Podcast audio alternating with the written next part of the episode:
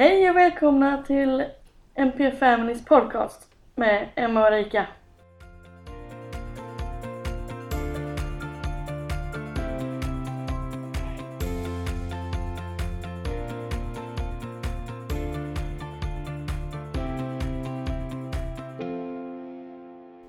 Nu är vi äntligen i, i form igen höll jag på att säga. Nu är det äntligen dags för podd. Jajamän. Vi har lite svårt att få in eh, podd för att det ska fungera för livet. Alla ska vara lediga och vi skulle podda i torsdags men då fick jag hämta barn. Livet Annars kommer det- emellan. Väldigt ofta tycker jag. Eh, Mer än vad man vill att det ska göra. Men som sagt, vi är ju föräldrar också eh, och har jobb utöver detta. Så eh, vi gör det vi kan för att få ihop allting. Ja. Det är inte alltid lätt. Nej, det, på, på senare tid så känns det som att det definitivt inte har eh, funkat som vi vill att det ska funka. Nej.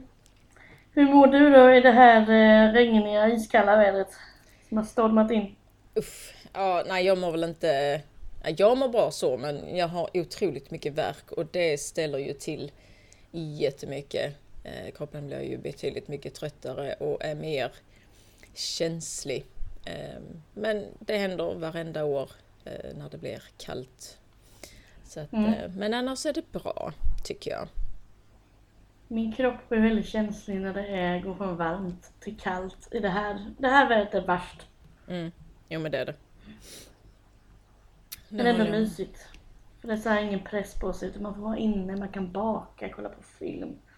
Mysa. Ja, alltså själva, själva årstiden älskar jag. Jag tycker det är jättefint med, med alla färger som kommer fram och liksom när solen tittar fram lite då och då. Och sen när det börjar närma sig, alltså ja men december, det kommer lite snö. Jag älskar ju den här tiden på året.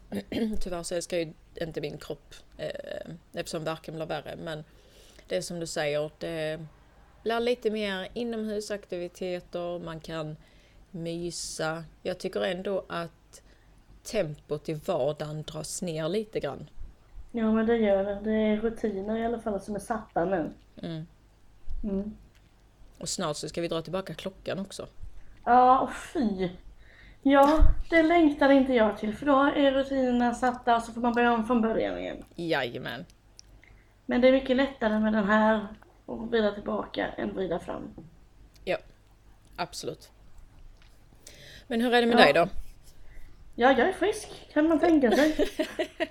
Du är frisk! Ja. Ja. Än så länge. Vågar inte ropa hej än. Nej, Nej. Eh, vågar man inte riktigt. Jag var på jobbet nu i helgen och jag bara åh nej, åh nej. jag har inte tid att bli förkyld och bli sjuk nu kände jag. Nej, alltså eh, jag fick hämta Liam i torsdags men det var inte så farligt för de tyckte att hans ringorm hade blivit värre men det hade det inte. Eh, och Viktor fick hämta Malte i fredags. Eh, och det verkar inte vara bra att skicka honom på förskolan på fredagar för jag vill alltid hämta honom. Ja, det har jag för mig då tagit upp innan. Att det har varit så här fredagar, då vill, då vill han inte vara på förskolan för då blir han alltid Nej, hämtad. precis. Han, Ja. Av någon anledning så skiter han alltid lös på fredagar. Jag vet inte vad det är. Ja, det är hans rutin nu, fasta fredagar. Ja, den är rolig han.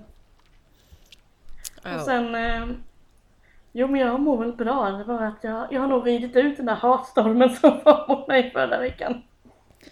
Ja, alltså det, jag kan fortfarande inte riktigt förstå alltså hur mycket hat det finns fortfarande eh, i, eh, i det här samhället, men definitivt på eh, sociala medier. Ja. För Men-. Men det är ju lite enklare att gömma sig bakom en skärm och faktiskt trycka ner någon annan. Det är sorgligt, men det händer var och varannan dag överallt. Eller det var om det var att den skylten vi hade tillverkat, att den var väldigt triggande tydligen för hela svenska, oj, för hela svenska folket. Ja, uppenbarligen. Mm. Tänk att ordet försiktig kan ha en sån stor innebörd. Alltså det, att det finns så mycket tolkningar på att vara försiktig. Det visste inte jag. Eh, ja, Men- jo, men alltså man kan ju försöka tolka det på rätt sätt utifrån alltså var skylten ska vara, alltså vilket sammanhang tänker jag. Mm, precis. Eh, men nu har vi tagit till oss detta och jag har gjort en omröstning på Instagram så nu ska vi se om vi kan göra det här, ställa allt till rätta igen. se om man kan göra svenska folket nöjda. Ja, landet lagom, ingen ska vara bättre än någon annan. Nej, precis. Eh, Eh, men om vi lämnar den biten, för jag försöker, försöker lämna. Jag träffade en följare igår som frågade hur det gick med skylten. ja, men Han påminde hela tiden. Ja. Ja, man kan ju hoppas att det har lagt sig lite åt sidan och att man eh, faktiskt kan eh, lägga av med det där. Det, Mm. Men det här klippet spred sig så mycket på TikTok så eh, det var ju väldigt många unga pojkar som kommenterade att eh, den här borde du ha för du, eh, dig måste man vara försiktig med för annars bits du. Alltså sådana där skämtsaker. En helt fel kategorigrupp som eh, fick se den här videon. Ja, det var inte riktigt där den skulle landa kanske. Nej. Men eh, så kan det vara ibland. Det är ju sociala medier och man växer ju där nu för tiden så det får ju skylla sig själv. Eller så får man, ja, Ja, eller så kan eh, människor bara ha förståelse för vad det innebär. Och jag menar, skylten är ju inte alltså, sedd för alla barn, nej. tänker jag. Eh, Nej, det var vart ju väl missförstånd där för det står ju att eh, barn med autism pratar inte, var försiktig. Mm. Så då trodde ju alla att alla barn med autism inte pratade. Men den här skylten är till barn som inte pratar och har autism. Ja, ja, ja, jag förstår inte hur man kan lägga ner tid, energi, men sin själ i att trycka ner någon för vad de har tolkat. Alltså förstår du lite hur jag tänker? Jag menar, Ja. alltså, ja. Jag menar, det, det vet ju alla att alla barn med autism har ju inte alltså den typen av ehm, kommunikativa svårigheter. Jag menar, det är ju barn med autism som pratar väldigt bra. Alltså, Mm. är det fortfarande lite svajigt i kunskapen om hur eh, barn med autism, autism överlag, hur det fungerar? Ja, det tror jag. För det märkte vi ju i Halmstad när vi var där. Men jag kände att nu behöver vi pumpa ut kunskap till folk. Ja, ja, det, ja, det var... Särskilt till civilsamhället. Ja. Men det kommer vi fortsätta med och det kommer vi inte ge upp. Det var, det var lite triggande faktiskt och jag kände bara liksom att nej, ännu mer kunskap alltså, behöver komma ut. Det, nej. Vi, vi lämnar den biten också, tror jag. Ja, det gör vi. Nu vänder vi blad. Och Jajamän. prata om det ämnet vi har tänkt om som går in i lite där med att vara verbal och inte verbal. Ja. Ja. Om utveckling av bildstöd och tack. Och alla kommunikativa hjälpmedel. Jo. Ja. För jag tycker det är så fantastiskt ändå. För vi har ju kämpat i fem år tror jag. Med att få Liam att förstå bilder och tecken. Mm. Vi har fortsatt, vi kanske har tagit bort det under en period men sen försökt igen. Eh, för att vi har inte fått någon respons. Men helt plötsligt det här året, efter sommarlovet nu. Han eh, gör tecken själv. Han förstår tecken. Han har börjat göra saker som vi säger till honom om. Mm. Med tecken samtidigt. Eh, och förstår bilder. Alltså, han, de skrev i loggboken i skolan att eh, en dag hade han bara använt sig av bilder och tecken. Inte tagit i hand eller någonting utan bara använt kommunikationshjälpmedel. Alltså vilket framsteg. Ja, alltså man tänker bara, jaha, alltså vad- vad ska jag gå vidare nu med det här inte fungerar? Det kan inte fortsätta i 20 års tid för något som inte funkar. Men eh, det funkar och, eh, och då vill jag bara säga till alla där ute att fortsätt, fortsätt, fortsätt och fortsätt. Det kommer att sitta en vacker dag. Ja, och det är Även- fantastiskt att, alltså att barnen eller personen liksom, de tar det till sig och så bearbetar de det och sen om det tar ett år eller För er som det tog fem år, jo men det är ju den tiden personen har behövt för att på något sätt bearbeta och eh, kunna hantera det. Ja, det är som att eh, han har dragit till sig all kunskap och nu anammar han det. Mm. Och han blir ju så lycklig när han gör det. Ja, vad roligt. Ja, när han eh, gör tecken och det är oftast färger, djur och det han ska göra, han kommenter- kommenterar det som han tecknar. Mm. Eh, och han får ju ett leende till öra till öra. Ja men det är underbart. Hoppar och studsar och springer fram och tillbaka. Jo men nu blir han ju förstådd. Nu han kan göra sig förstådd. Jag menar tänk den lyckan han har att kunna göra sig förstådd. Den är ju liksom, den är mega stor. Ja, det är det. Men sen tänkte jag med, det är väldigt många gånger som HUB, BUP och andra instanser bara pumpar ut den med bildstöd och tack för de ska kunna det. Och det blir liksom för mycket. Jag har också varit där. Att för, för tre, fyra år sedan så bara pumpade jag ut massa bilder och Ja, för att man tror att det ska bli skitbra med bilder precis överallt. Men det har inte funkat här. Utan det blir för mycket. Så det är en bild i taget, eller en förmiddag i taget, eller en dag i taget. Och behöver inte vara massa bilder framme för då blir man i det huvudet till slut. Så ta det i den takt som barnet gör det och inte förlita sig mycket på andra.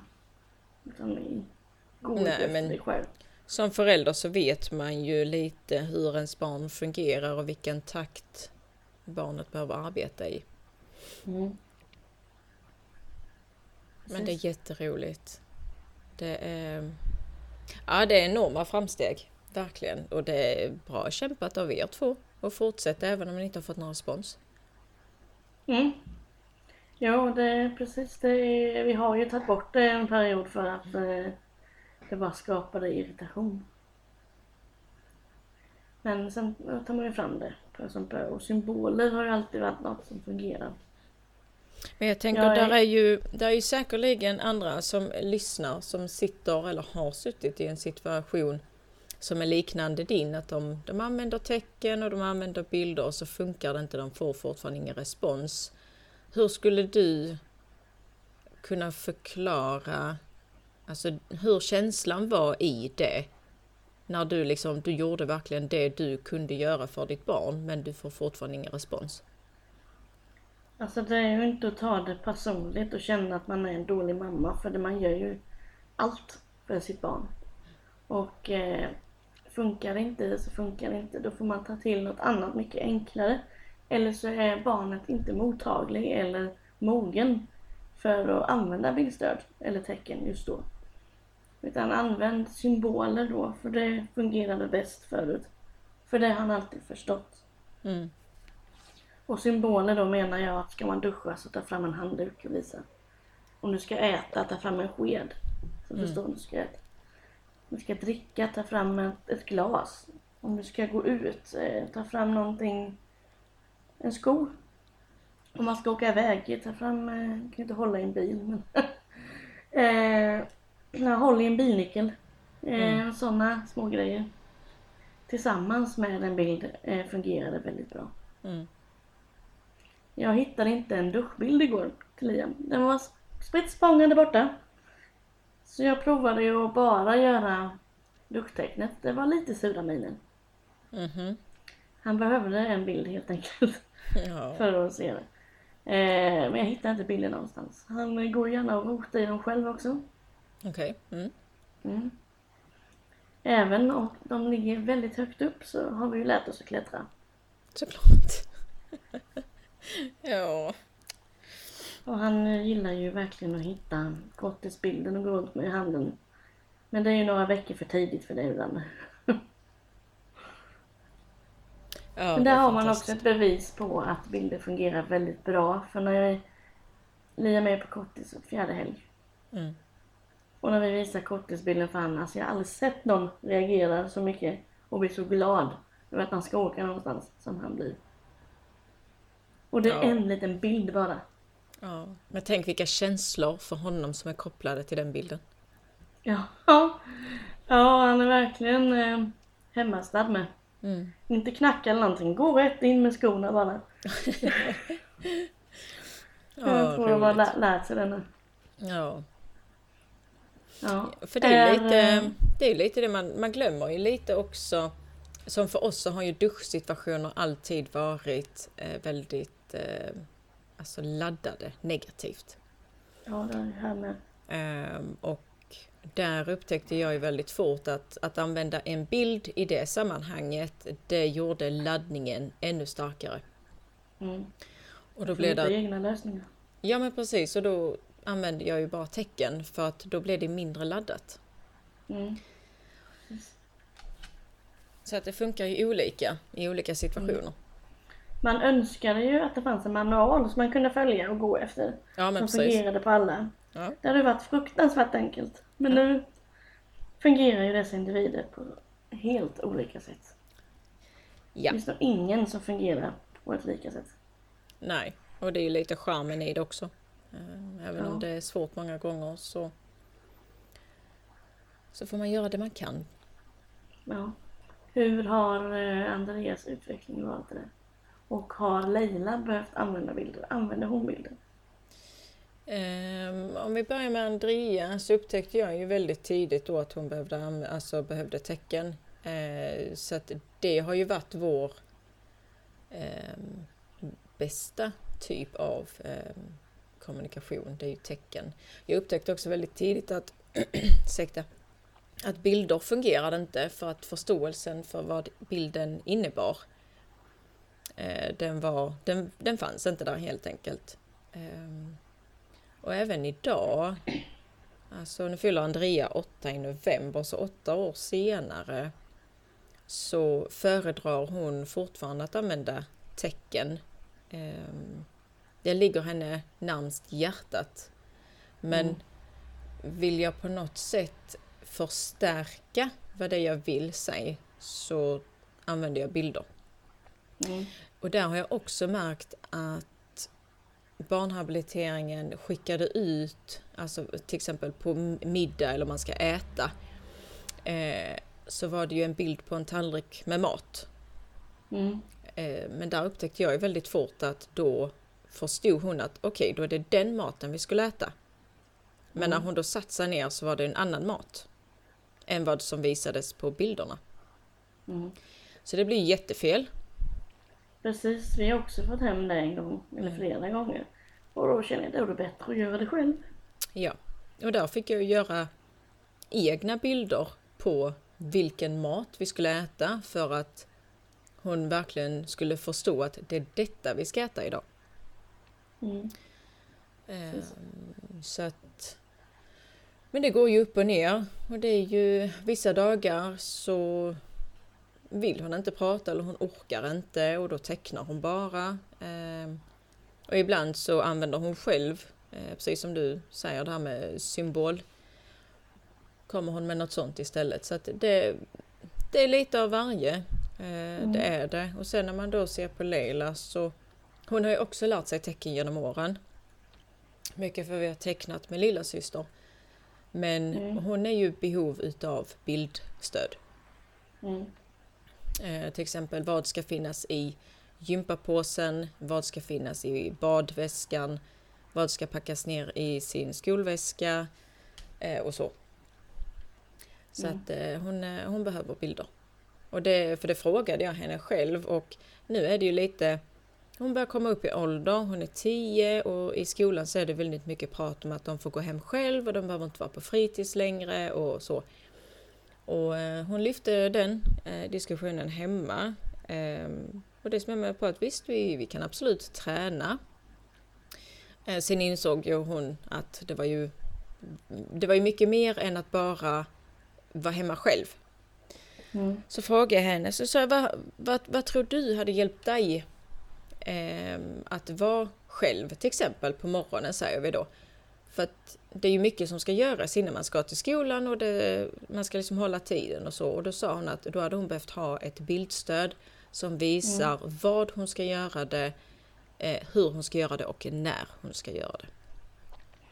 Usch, det är sån ångest för mig där. För jag gick på fritids tills jag var 10 år. Eh, och fick en väckarklocka och skulle gå upp själv. Gå Mm. själv till bussen, ismörkt, ismörkt, vad är det för ord? Jag skulle säga att kolmörkt. Det är som And- Andrea.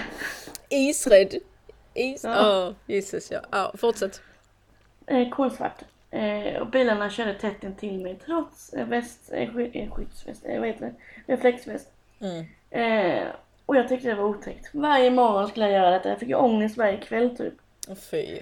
Jag typ vaknade innan väckarklockan för jag tyckte ljudet var jobbigt att lyssna på. Mm. Eh, nej men det här fick jag ju göra i flera år och det... Nej, usch. Jag tycker tio år var för tidigt. Ja, och Särskilt det... att gå den vägen. Jo men det har jag sagt till Leila med att det är ju ingenting som kommer att hända nu. Eh, för att jag anser också att hon är för tidig. Eh, alltså att vara själv liksom. Någon, någon liten stund om jag skulle gå till affären, hon är själv hemma, absolut. Men inte, ja och då kan jag tillägga att då har jag 30 sekunder till affären eh, ifrån där vi bor. Mm. Men jag skulle ju aldrig tillåta henne till att gå själv till skolan eller vara hemma själv eller behöva ha ansvaret att ordna allting på morgonen själv. Samtidigt som hon då ska ha koll på klockan när hon ska gå. Mm. Så att, Och och olika det, larm. ja, precis. Och jag menar, det är ju någonting som krävs oerhört mycket planering för, för då hade man Ja, då hade man ju behövt ställa de larmen redan på, mor- alltså på kvällen innan.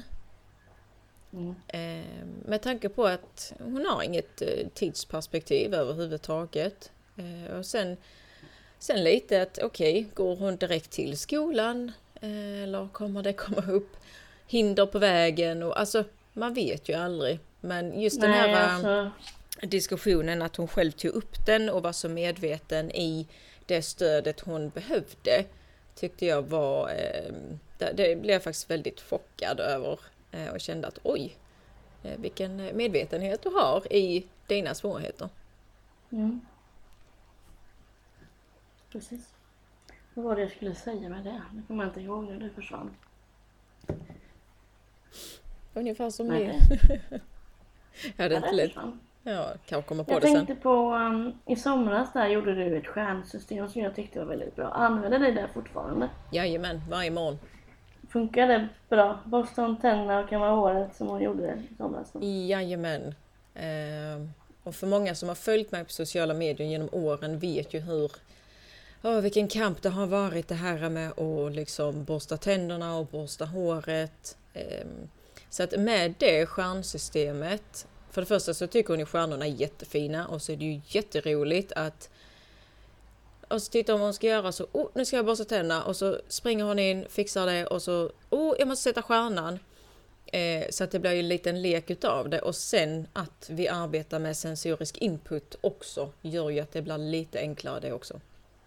Mm. Precis. Men då har ju hon också utvecklat en eh, bildförståelse genom åren. Ja. Det har Det tagit ju tid. skit... Ja, det Mm. gör det ju oftast. Men, Men, eh, eh, det är väldigt bra. Det Ja. där. Men det är ju fortfarande det är ju fortfarande tack. Hon, alltså till exempel borsta tänderna så är det ju tack som Mm. visar. Eh, men det är just det här med, med stjärnan liksom. Och, och sen har det varit mycket med lördag, söndag. Hon förstår, hon har så svårt att förstå att lördag, söndagar så är man ledig. Då är man inte i skolan.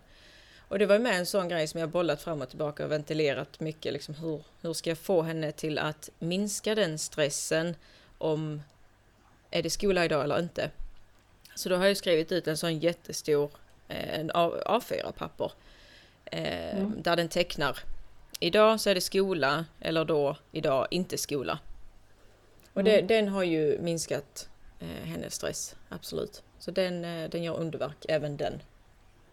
Mm, här har det varit, alltså han lägger ju verkligen min, äh, minne, han lägger ju verkligen detaljer på minnet, Liam. Mm. Det är väldigt lätt för honom att förstå när man är hemma lördag, söndag, för då har pappa inte jobbarkläder på sig. Ah, Han associerar ju till att när pappa har jobbarbyxor eller jobbarkläder, då är det skola. Eh, Tar vi pappas bilar, då är det skola. okej. Så han är, eh, så är det bara när vi ska vara hemma och det är mjukisbyxor och vi råkar ta hans bil, Mm. då blir det jättesvårt. Ja, det är klart. Är, man, är det på fritiden, då ska man ha vanlig bil eller min bil. Mm. Åker man till farmor och farfar då ska man ha pappas bil. Åker man då fel håll där, då blir det också, då får man också veta det. Mm. Det är ju helt otroligt. Men han har alltid gjort så. Sedan han var två år gammal tror jag han associerade det till bilar och klädsel. Mm. Vad man ska göra och inte göra. Ja, det är häftigt vilka, alltså, vilka egna strategier de har Ja. och hur de utvecklar det genom åren. Jag tycker det är jättehäftigt. Är det. ja. Kommunikation är min hjärtefråga tror jag. För alltså jag tycker kommunikation är så häftigt. Det är så stort och brett och det är ju inte bara ord som folk tror utan det är ju så mycket annat. Ja, och där finns inget som är rätt och fel. Nej. Jag kan tänka mig att för barn med autism, eller människor med autism generellt, har ju svårt att tolka kroppsspråk och eh, ansiktsuttryck och grejer när man pratar. Mm. Så det är ju det mest missvisande. Visar man en bild eller tecken, det är tydligt, enkelt och det man förstår det. Mm. Så det är mycket vis- missvisande ibland att prata verbalt. För att kunna säga en sak med en annan ton med kroppen visar något annat. Det kan människor med autism ha svårt att tolka. Ja, och det... Det kommer jag ihåg det sa. Det sa Leila till mig någon gång för hon frågade är du, är du ledsen? Sa nej. Jag satt vid i soffan när vi var hemma och sa nej, jag är inte ledsen. Ja, men du ser ut att vara ledsen. Okej, nej, mamma är glad liksom. Ehm, och så blev det ett litet frågetecken. Och sen har jag märkt att Andrea, hon behöver med ha den eh, bekräftelsen i vilket humör jag är på. Så att många gånger, och jag tänker inte mig för, för jag har ett väldigt... Ja men, mm, ja, jag vet inte. Jag, mitt ansikte är väl inte... Jag visar väl inte så att jag är glad hela tiden eller så. Och det har ju med Andrea med frågat mer och mer för att på något sätt bekräfta för sig själv. Är du glad? Är du ledsen? Är du arg? Um, och det pratar vi om också på Barnhub, för jag lyfte detta. Och det är ju någonting som jag måste jobba med mig själv för. För att återigen hjälpa barnen i deras alltså, avläsning när det kommer till ansiktet. Ja, ibland måste man ju överdriva och jag är glad. Ler med hela ansiktet. Jag är ledsen och förbannad. Slår i bordet.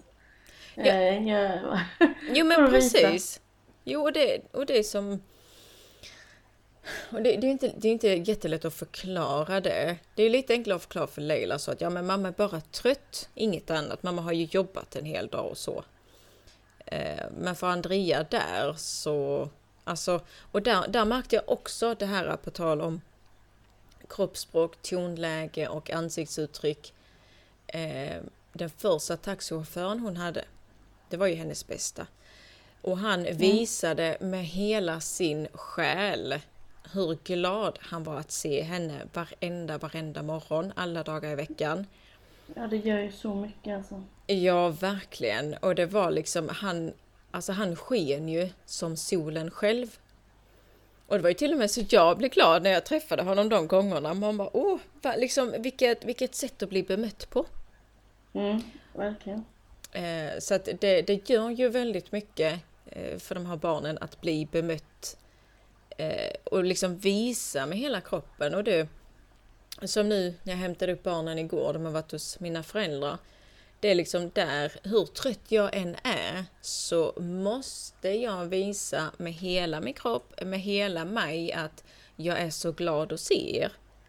Mm. Ehm, Så att där har jag ju mycket att jobba med mig själv, absolut. Det, jag lär mig fortfarande och jag blir påmind om det hela tiden också. Mm. Ja, det blir man ju. Ja, jag visar nog verkligen vilket, vilket humör jag är på. Om jag är asglad. Nu visar jag alla att jag är ledsen. Jo, jag har visat några gånger när jag är ledsen och det var bara i samma period som min mamma gick bort. Mm. Det var enda gången någonsin som jag har visat mig ledsen. Jo, en gång till. Det var när Vilma var så otroligt elak mot mig en gång. När, hon skulle, när jag skulle hämta henne på förskolan. Mm. För typ tre år sedan eller något. Eh, jag nog- tänker inte ens gå in på vad hon sa, men hon fick med sig några stycken i alla fall. Mm. otroligt elak var hon. Och det var första gången som jag typ blev arg. När jag blir arg och blir oftast, eh, några tårar kommer oftast då. Mm. Och det var också första gången hon såg mig ledsen och då reagerade hon väldigt starkt och lyssnade väldigt mycket på det. Det Ja, kanske det man måste göra. Visa verkligen att det här är inte okej. Nej, det var helt galet alltså. Nej, det var riktigt rå var hon. mm. Jo men det vet jag, det har ju, det har ju båda mina varit eh, mot mig och jag är inte den som, som är ledsen så. Eh, men när det handlar om alltså ens barn, när de verkligen kommer åt den på det viset som de gör, då reagerar ju båda på det och eh, verkligen så här, oj, jag gjorde mamma ledsen. För att, som sagt, för att Andrea hon har varit sån att hon tittar och om jag sagt så att ja men nu gjorde du, alltså mamma blev ledsen för att du sa det till mig och då kanske det har varit något elakt. Och då tittar hon på mig och, sa hon, och så visar hon eh, inte ledsen och så visar hon att där kommer inga tårar. Mm. Eh, Så att det, det har hon haft svårt med. Att är man ledsen så måste man gråta. Det är den kopplingen hon har gjort. Så det har vi också jobbat mycket med. Men just det här med, med Leila, hon, eh, hon tryckte ju med ner mig för något år sedan. Eh, två år sedan tror jag det var. Och då var jag jätteledsen. Och det var liksom, jag bara bröt ihop fullständigt och bara kände att alltså vad händer? Alltså, jag, nej, det, det blev kortslutning och jag var jätteledsen och det, det var nog första gången som hon verkligen såg nu på äldre dagar att oj, mamma kan också bli ledsen. Mm. Jag såg igår, jag tror det var en studie eller på nyheterna, jag kommer inte ihåg. Eh, för att förr så blev ju oftast flickor, tonåringar, när det var tonåren, alltså blev bitchiga eller eh, agg mot sina föräldrar. För det går ju längre och längre ner i åldrarna nu för tiden. Ja, jo tack. Eh, att man kallar ju det för förtonåren nu för tiden. Tweenie. Men nu är, ja precis. Men eh, det är ju bevisat att eh, flickor går ju neråt i åldrarna nu för att de blir, eh, går in i puberteten flera år innan man gjorde innan. Ja. Så eh, flickor nu kan gå in i puberteten redan när man är åtta år gammal och då förstår jag att känslorna är på utsidan. Absolut, jag såg också det. Det var på nyheterna och det är en studie som Ja. de faktiskt har gjort och Ja, då, då kände jag liksom att okej, alltså för jag vet prickade in Vilma väldigt mycket där. Nej men alltså om man då utgår återigen ifrån amerikanska studier eh, ur eh, psykologiskt perspektiv. Så när de förr, när de gick från barn till tonåring så var det ju längre upp i åldrarna. Nu i USA så kan det gå så långt ner i åldrarna som fem. Att de hamnar i fem ja. Och då, då hamnar de i det här stadiet tweenie mellan barn och tonåring. Och jag kommer ihåg när vi började prata om detta och vi liksom diskuterade. Jag tyckte det var så hemskt. Alltså ett barn ska inte befinna sig i den typen av period i livet, alltså tweenie, i liksom en tidig ålder som fem. Jag kan tycka att 8-9 är tidigt. Mm. Men Jag fick det otroligt tidigt så jag förväntar mig att eh, Vilma också kommer få det ännu tidigare då. ja. ja, det gör ju mycket med, eh, Och med sen ska de kroppen. hantera det där också. Ja, det- ja, gud ja. Mm. Ja, alla press och stress i skolan och sen en för tidig pubertet och sen, nej gud. ja. De har inte lätt ungarna nu för tiden. Nej. Det var som en, eh, en eh, äldre herre, jag hörde han säga i somras. Det var inte bättre förr, men det är värre nu. Och jag håller fast vid det. Jag har ingen aning vad han hette. Så bara för vi gick bakom dem i Bjärnum. Eh, vet inte vem han är, men det har satt sig hos mig. Det var inte bättre förr, men det är värre nu. Jag tror det, det kommer nog alltid sitta med mig. På något Ja, jag vis. tror jag såg det förra veckan men jag reagerade också på det. Det är så sant. Ja, nej det är... Usch ja. Och då är det inte så konstigt att det blir som det blir för, alltså för barnen. Det blir så mycket för dem på en och samma gång. Och jag menar, har man då ehm, alltså funktionsvariationer så blir det ju inte enklare. Alltså på något Nej. sätt. Inte direkt. Eh, hur halkade vi in på det här? Vi skulle prata om utveckling av bildstöd och takt. Så började vi prata om förtonåren och eh, pubertet. Ja, nej, men det är detta som är så charmigt med, med podden med att vi vet ju aldrig riktigt var vi hamnar. Eh, Nej, det är roligt. ja, det är det väl. Sen om det är något sammanhang, det vet jag inte. Nej. Men folk lyssnar ju i alla fall så det måste det där vara då. Vi är, vi, är, vi är inget mer människor, vi är alla människor. Nej. Nej, men jag tänker alltså just när det kommer till eh, all typ av kommunikation så är det ju viktigt och faktiskt Alltså hur jobbigt den är så får man ju anstränga sig. Ja, det får man göra. Definitivt. Vi har ju alltid...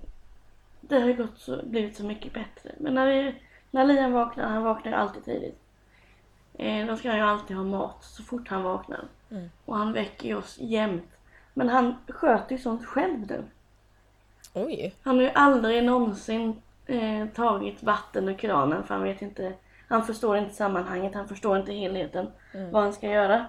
Eh, man får tänka att det är, för, för människor som inte har NPF är det ju helt eh, klockrent, jag kommer inte på ett bättre ord nu. eh, man går fram till kranen, vrider på kranen, tar ett glas vatten och sen dricker ur. Mm. För en person med NPF är det extremt många moment som man inte tänker på själv. Ja. Som man har svårt för. Det är att man ska ta ett glas, det är en sak. Först ska man tänka det och sen är det, ska man ta ett glas, sträcka sig efter ett glas. Sen ska man gå fram till kranen. Man ska tolka en information som man har fått. Eh, och sen ska man sätta på kranen, är fem grejer. Sen ska man hälla i vattnet i kranen, helst så inte det rinner över. Eh, sen ska man dricka ur glaset. Och sen ska man stänga av kranen. Det är typ 8, 9, 10 grejer, moment extra för de som måste tänka ut hela tiden och planera och få in i, i huvudet vilka moment det är. För oss är det så självklart men för dem är det en världsstor grej. Det är samma sak om man ska gå och bada. För en del är det ju bara, vi ska gå och bada, de bara springer rätt ut liksom. Eh, Gå och bada hur lätt som helst. Mm. För en annan så är det ju gräset, kan vara obehagligt. Det är en ny miljö, det är vatten, det är andra ljud. Det är eh, ja, alla möjliga orsaker som kan bli jobbigt som man inte tänker på annars. Jo men det är ju som det här framsteget som Andrea har gjort att kunna ta, ta ett glas och ta ut mjölken ur kylskåpet. Ja, det har ju Malte, Malte säger här, det kan han säkert också göra. Men det har Liam också börjat göra, han tar saft själv. Han har börjat bre mackan själv, även om det är väldigt tjockt lager med smör så gör han ändå det själv. Ja, så det, det är ju så många moment och jag vet om att vi har diskuterat det på barnhabiliteringen innan att det är precis som du säger att det är så många olika moment som måste liksom klaffa för att det ska liksom, de ska nå slutet på det hela. Och det vet jag ju i början. Så tog hon glaset och så skulle hon försöka öppna kylskåpet. Och sen då försöka ta mjölken och hitta förståelsen och med hjälp av vägledning att ta glaset, ställ det på bordet. Sen går du till kylskåpet och så tar du mjölken. Och sen går du till bordet där glaset står. Alltså, där är så många moment. Men med rätt vägledning så går det ju. Ehm, och det, det har tagit tid. Det har tagit jättelång tid. Men lyckan i det de gör. Andrea blev ju så jätteglad när hon verkligen alltså, satte det här första gången. Och visade med hela sitt kroppsspråk att hon var så stolt över det hon hade gjort. Mm. Jag tycker det är Precis. jätteroligt att se. Ja, den glädjen kan man ju mäta med att, den, att sin son kom in på juristprogrammet typ. Ja, men Och, lite så, absolut. Så- Sån stor glädje är det i sådana små steg. Ja. Om folk ska förstå vilken glädje det kan bli så är det nog en väldigt bra jämförelse. Mm. Ja, det, det, det är en lycka som det går inte att beskriva. Och det är som när... Jag, jag lyfter detta, eh, detta exemplet, men eh, alltså, det sitter så nära mitt hjärta och det kommer det nog alltid göra för att Andrea har alltid haft problem med vatten och liknande och även då att gå och bada. Och jag och mina väninnor, vi har ju lagt ner vår själ varje sommar för att träna. För att vi ska kunna mm. på något sätt åka till, till en sjö eh, och liksom kunna, kunna bada. Och jag kommer ihåg när hon satte sin fot alltså, i sjön för första gången. Alltså jag stod och grät. Det var, det, var, alltså det var massa annat men jag var så fokuserad när jag ser att hon står i vattnet och, och liksom rör vattnet. Jag, jag stod och grät. Alltså det var sån lycka och jag kände bara, alltså hela jag bara kollapsade för att det var sån stor grej och jag vet om att det var en stor grej för henne, det var en stor grej för mig. Eh, mina väninnor de stod där och du vet de hade tårar i ögonen, syster hon stod och hoppade och klappade liksom några meter bort. Det är inte bara glädje för att Andrea klarade det, är glädje för alla, alltså alla personer runt omkring. Ja, det är underbart det. Alltså det är... Och det, det är ju... också gjort en gång. Och det är då ska ju folk bara veta hur mycket tid man har lagt ner på det. Ja. Jo men det är ju som yes. Jana hon har ju varit Alltså min trogna följeslagare mm. eh, genom åren och, och se den glädjen och lyckan hon uttrycker för att mitt barn har liksom klarat ett sånt stort hinder i livet. Mm. Alltså det, det är liksom jag vet inte, det gör något med en. Alltså det... Ja, det, där, där brydde jag mig inte om att eh, jag var på en offentlig plats och var jätteledsen. Det sket jag fullständigt i. Nej, det är, det är fantastiskt att se hur de tar sig igenom och hur glada de är, hur stolta de är för det ja. de klarar av. Hur var hon efteråt där? Var hon trött eller var hon euforisk? Alltså när vi var på plats, eh, hon lekte och liksom, hon var ju fortfarande väldigt reserverad. Men man såg ändå att utifrån den situationen så var hon ju jätte, jätteglad och jättelycklig. Ledan när vi satt i bilen och hon liksom kunde knappt sitta stilla på sin plats för hon var så glad. Mm. Sen kom dippen eh, när vi kom hem såklart. Då var hon jättetrött och, eh, mm. och vilade i någon timme. Men hon har ju pratat om detta så länge. Och det är så roligt att höra när hon liksom Åh, åka bada mamma. Nu så har vi tyvärr kommit tillbaka i en eh, period där hon bara vill bada i en liten pool hemma. Mm. Eh, men ändå, hon har ändå klarat liksom det där hindret. Eh, mm. Det har hon. Men, eh, det, och det tar ju mycket på dem. Det gör det. Det gör det verkligen. Eh, vi är ju, det, samma var ju för Liam. Vi gick i han i sjön en gång. Eh, men sen har det varit en dålig sommar i år så man har ju inte hunnit öva så mycket. Nej, precis.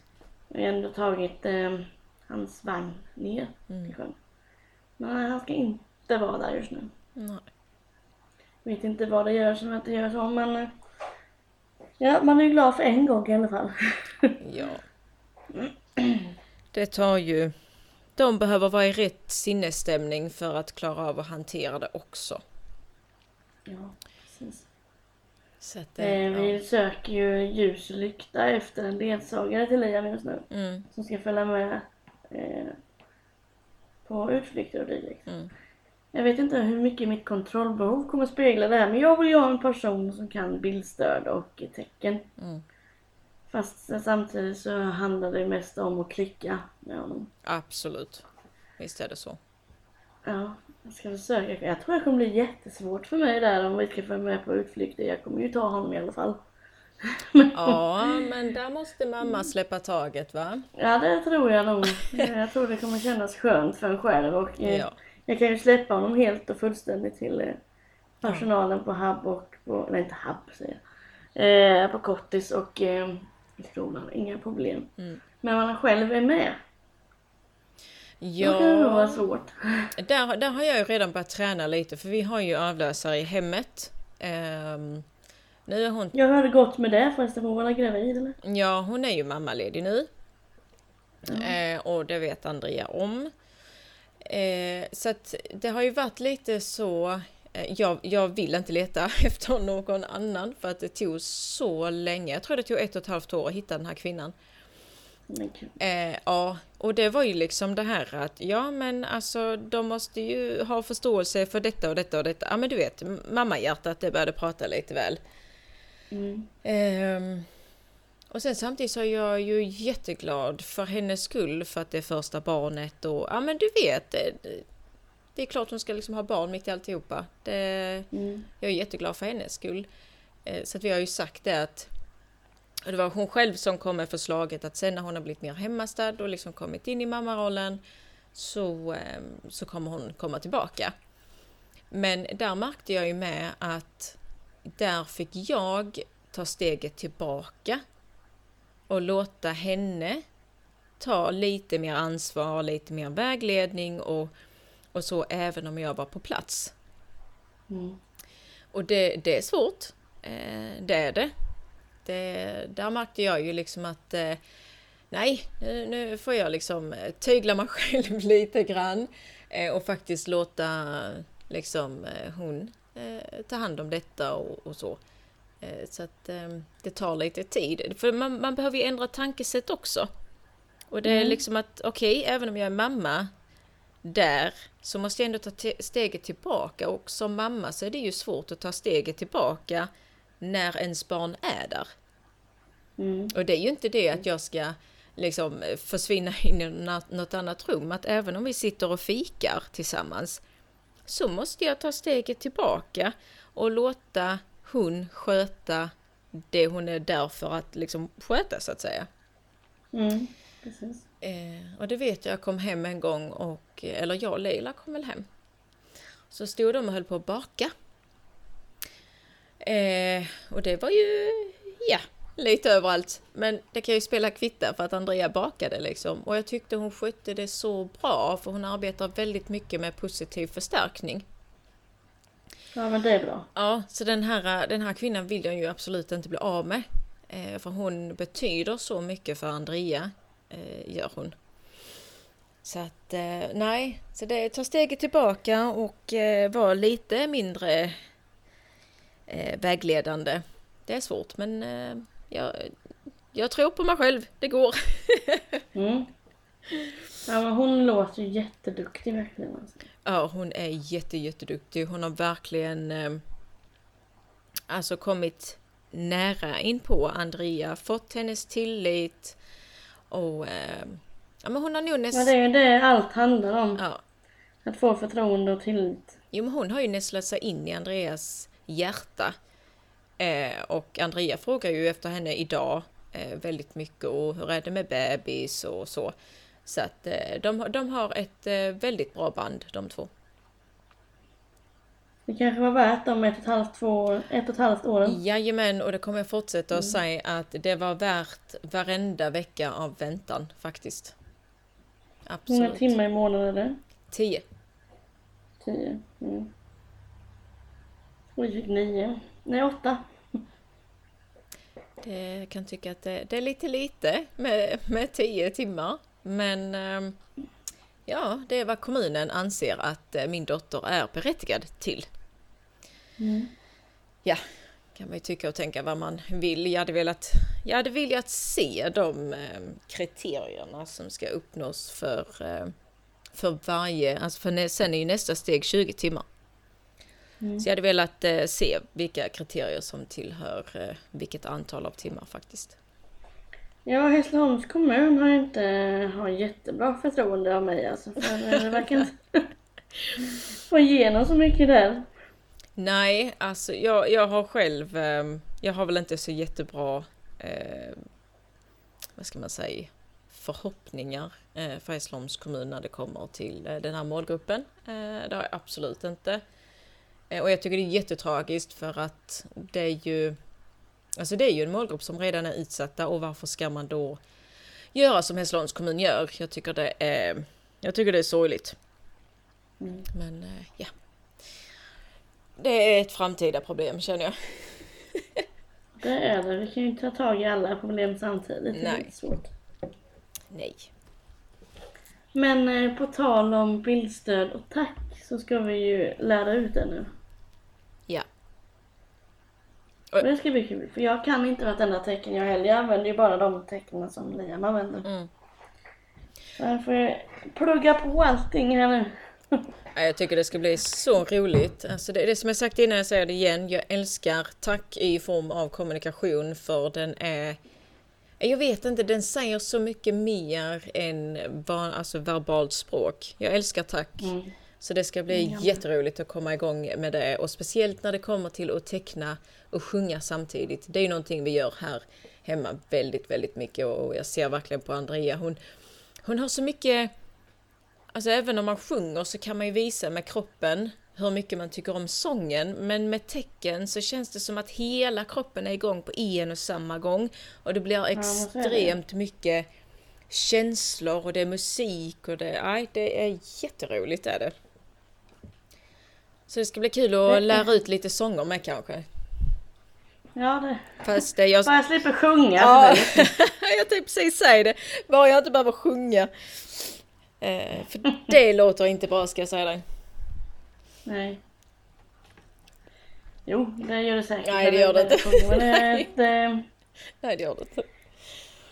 nej, jag är så tondöv. Nej, fy tusan, jag kan inte en låt utan till. Barnsånger kan jag utan till, men inget annat. Jag- Jag kan dem, men jag sjunger dem för mig själv i bilen. Mm, men i duschen. Jag eller duschen. Ja, Jesus ja. Nej. Nej, det ska bli kul och det är en... Eh, och det är en, ett avsnitt hos oss som ska bli extremt roligt att gå igenom. Väldigt lärorikt.